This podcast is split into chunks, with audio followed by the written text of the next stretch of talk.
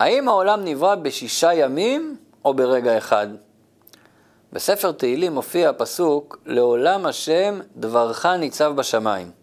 הפירוש הפשוט של הפסוק הוא שהדיבור של השם ניצב תמיד. כלומר, אלוקים לא מתחרט על דבר כלשהו שהוא עשה או יצר. אבל הבעל שם טוב, מייסד תנועת החסידות, מסביר את הפסוק החשוב הזה בעומק יותר. העולם נברא על ידי הדיבור של הבורא. כפי שמתואר בפרק הראשון של ספר בראשית, היו עשרה מאמרות שבאמצעותם ברא השם את העולם. ויאמר אלוקים יהי אור, ויאמר אלוקים ויהי רקיע, וכן הלאה. מסביר הבעל שם טוב, כי אותם מאמרות שאמר הקדוש ברוך הוא בבריאת העולם, ממשיכים להיאמר גם עכשיו.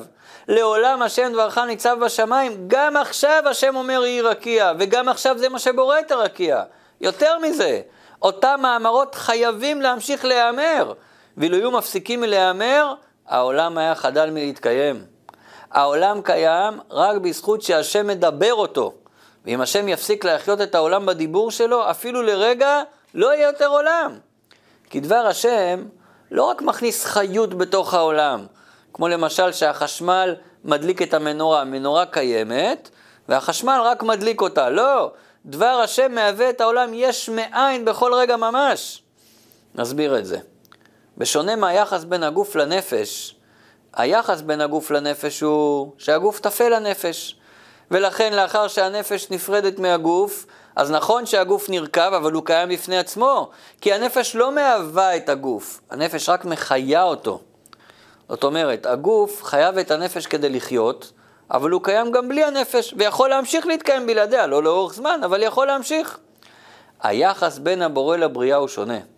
זה לא שהעולם קיים והקדוש ברוך הוא רק מחיה אותו, אלא שהקדוש ברוך הוא גם מהווה אותו כל רגע מחדש. על זה אנחנו אומרים כל בוקר בתפילה, המחדש בטובו בכל יום תמיד מעשה בראשית. זה גם פירוש מאמר חז"ל על הפסוק, ואתה מחיה את כולם. אומרים חז"ל, אל תקרא מחיה, אלא מהווה. אתה לא רק מחיה את העולם, את כולם, אתה מהווה אותם. עכשיו תראו שבמילה ואתה, שמורכבת מארבע אותיות ו', א', ת', ה', יש רמז על אופן הבריאה.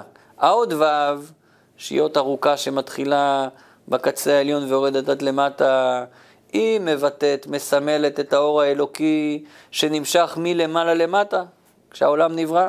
האותיות א' ות' מסמלות את כל אותיות האלף ב', מא' ועד ת' שבאמצעותם נברא העולם. והאות ה', גמטריה חמש, מסמלת את ה' הגבורות, חמש גבורות. מה זה חמש גבורות? אז בגוף האדם, שבן אדם מדבר, האותיות נוצרות, איך אנחנו מדברים? יוצא הבל, יוצא אוויר מהגרון, וזה הופך להברות בעזרת חמש מוצאות שונים בפה. יש את החך, השפתיים, הלשון, הגרון, השיניים, למשל האות ב' מהשפתיים, האות אה, ח' מהגרון, שדרך זה האוויר עובר.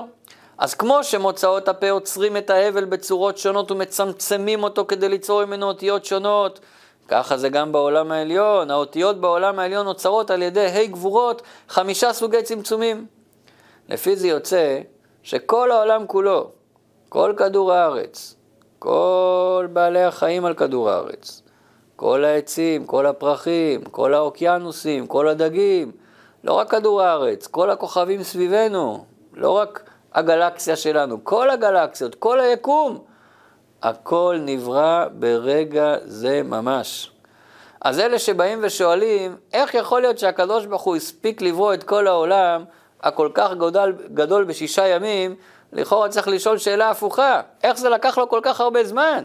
הרי עכשיו הוא בורא אותו שוב ושוב ושוב עם כל הנבראים שבתוכו. למה בעצם זה ככה?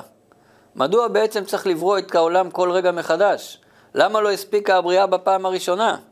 אז כדי להבין את זה, צריך קצת לחדד את המושג של בריאה יש מאין. בעל התניא מסביר, בחלק של התניא שנקרא שער איחוד והאמונה, שהטעות שכולם עושים היא לחשוב שהקדוש ברוך הוא בורא את העולם כמו נגר שמכין שולחן. איך זה עובד אצל נגר? נגר לוקח חומר קיים, עצים, קרשים, ורק משנה את הצורה שלהם לשולחן, לכיסא. ברגע שהוא סיים את העבודה שלו, כבר לא צריך את הנגר, כי החומר היה קיים כבר לפניו, והוא רק שינה לו את הצורה. אבל אי אפשר לומר את זה לגבי הקדוש ברוך הוא. כי כשהקדוש ברוך הוא ניגש למלאכת בריאת העולם, לא היה לו חומר להתחיל ממנו, זה מה שהכי קשה לנו לתפוס. לא היה כלום, לא היה שום יש, היה רק עין. לא רק שלא היה חומר מסוים, לא היה כלום, לא היה זמן, לא היה מקום, לא היו חוקי טבע, לא היו אפילו חוקי היגיון. כל אלה נוצרו על ידי הבורא מעין המוחלט. כיוון שהמצב הטבעי שלפני הבריאה הוא מצב של עין, אז גם עכשיו שהעולם נברא, מצד הטבע שלו הוא רוצה לחזור להיות עין. וצריך שהקדוש ברוך הוא יבצע את פעולת הבריאה יש מאין כל רגע מחדש. ואם לא, העולם יפסיק להתקיים. ניתן לזה דוגמה מעולם המחשבים, שנוכל להבין את זה טוב יותר. כמה תמונות יש באינטרנט? אי אפשר לספור כל כך הרבה, אבל התמונות שיש שם הן אמיתיות? זאת אומרת, כאשר רואים תמונה במחשב, הדמות באמת נמצאת שם? ודאי שלא. יש ממשות בתמונה הזאת? היא יכולה להתקיים גם בלי המחשב, כמו תמונה שנדפיס? גם כאן ברור שלא. לתמונה במחשב אין ממשות, היא לא קיימת מצד עצמה. למעשה התמונה בכלל לא קיימת, זה בעצם קוד שמורכב מאותיות וספרות, והמחשב יודע לפענח את רצף האותיות והספרות ולהציג לנו אותם כתמונה. אבל בפועל אין שם באמת תמונה, זה רק רצף של תווים בשפת מחשב. האם יכולה להיות תמונה אחת בכל האינטרנט שאין מאחורי אותיות וספרות? ודאי שלא, זה מה שיוצר אותה. לא יכול להיות אפילו חלקיק מזערי, אפילו לא פיקסל אחד בתוך התמונה, שאין מאחוריו את רצף התווים הזה. כי אותו רצף הוא זה שיוצר את התמונה שאנחנו רואים. מה יקרה אם למשל האותיות מאחורי אחת התמונות יימחקו, אז התמונה תיעלם. אותו דבר בעל התניא מסביר לנו על בריאת העולם. האמת של העולם היא לא התמונות שאנחנו רואים מול העיניים, זה לא הגשמיות שאנחנו חווים יום-יום. האמת של העולם זה מה שאחורי הקלעים. זה הקוד האלוקי שיוצר את התמונות שאנו רואים, והקוד האלוקי הזה נקרא דבר השם. והוא מורכב מאותיות האלף-בית של לשון הקודש. ולא רק האדם ככה, או בעלי החיים או הצומח.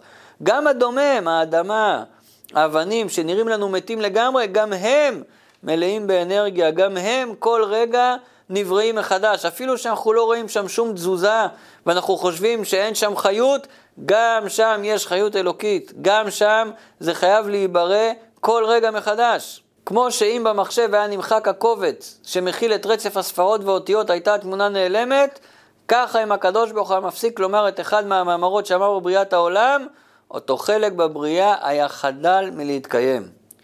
לפי זה גם נבין משהו מיוחד בנוגע לשפת הקודש. שפת הקודש היא לא כמו שאר השפות. כל השפות הן נקראות שפות הסכמיות. זאת אומרת, למה קוראים לכיסא צ'ר באנגלית או לשולחן טייבול לא שיש לזה משמעות פנימית, פשוט כולם הסכימו, שפה הסכמית, כולם הסכימו שככה יקראו לזה. אבל שפת הקודש היא לא שפה הסכמית. כיסא נקרא כיסא, לא כולם הסכימו שהוא ייקרא כיסא. נקרא כיסא כי החיות שלו מגיעה מהאותיות כ', ס', א', ויש לזה משמעות. האדם הראשון היה במדרגה רוחנית גבוהה, עד שהוא יכל לראות בכל חפץ את השורש הרוחני שלו, ולפי זה הוא יכל לתת שמות לכל הברואים. הוא ראה את המהות הפנימית שלהם, ולפי זה ידע איך לכנות אותם.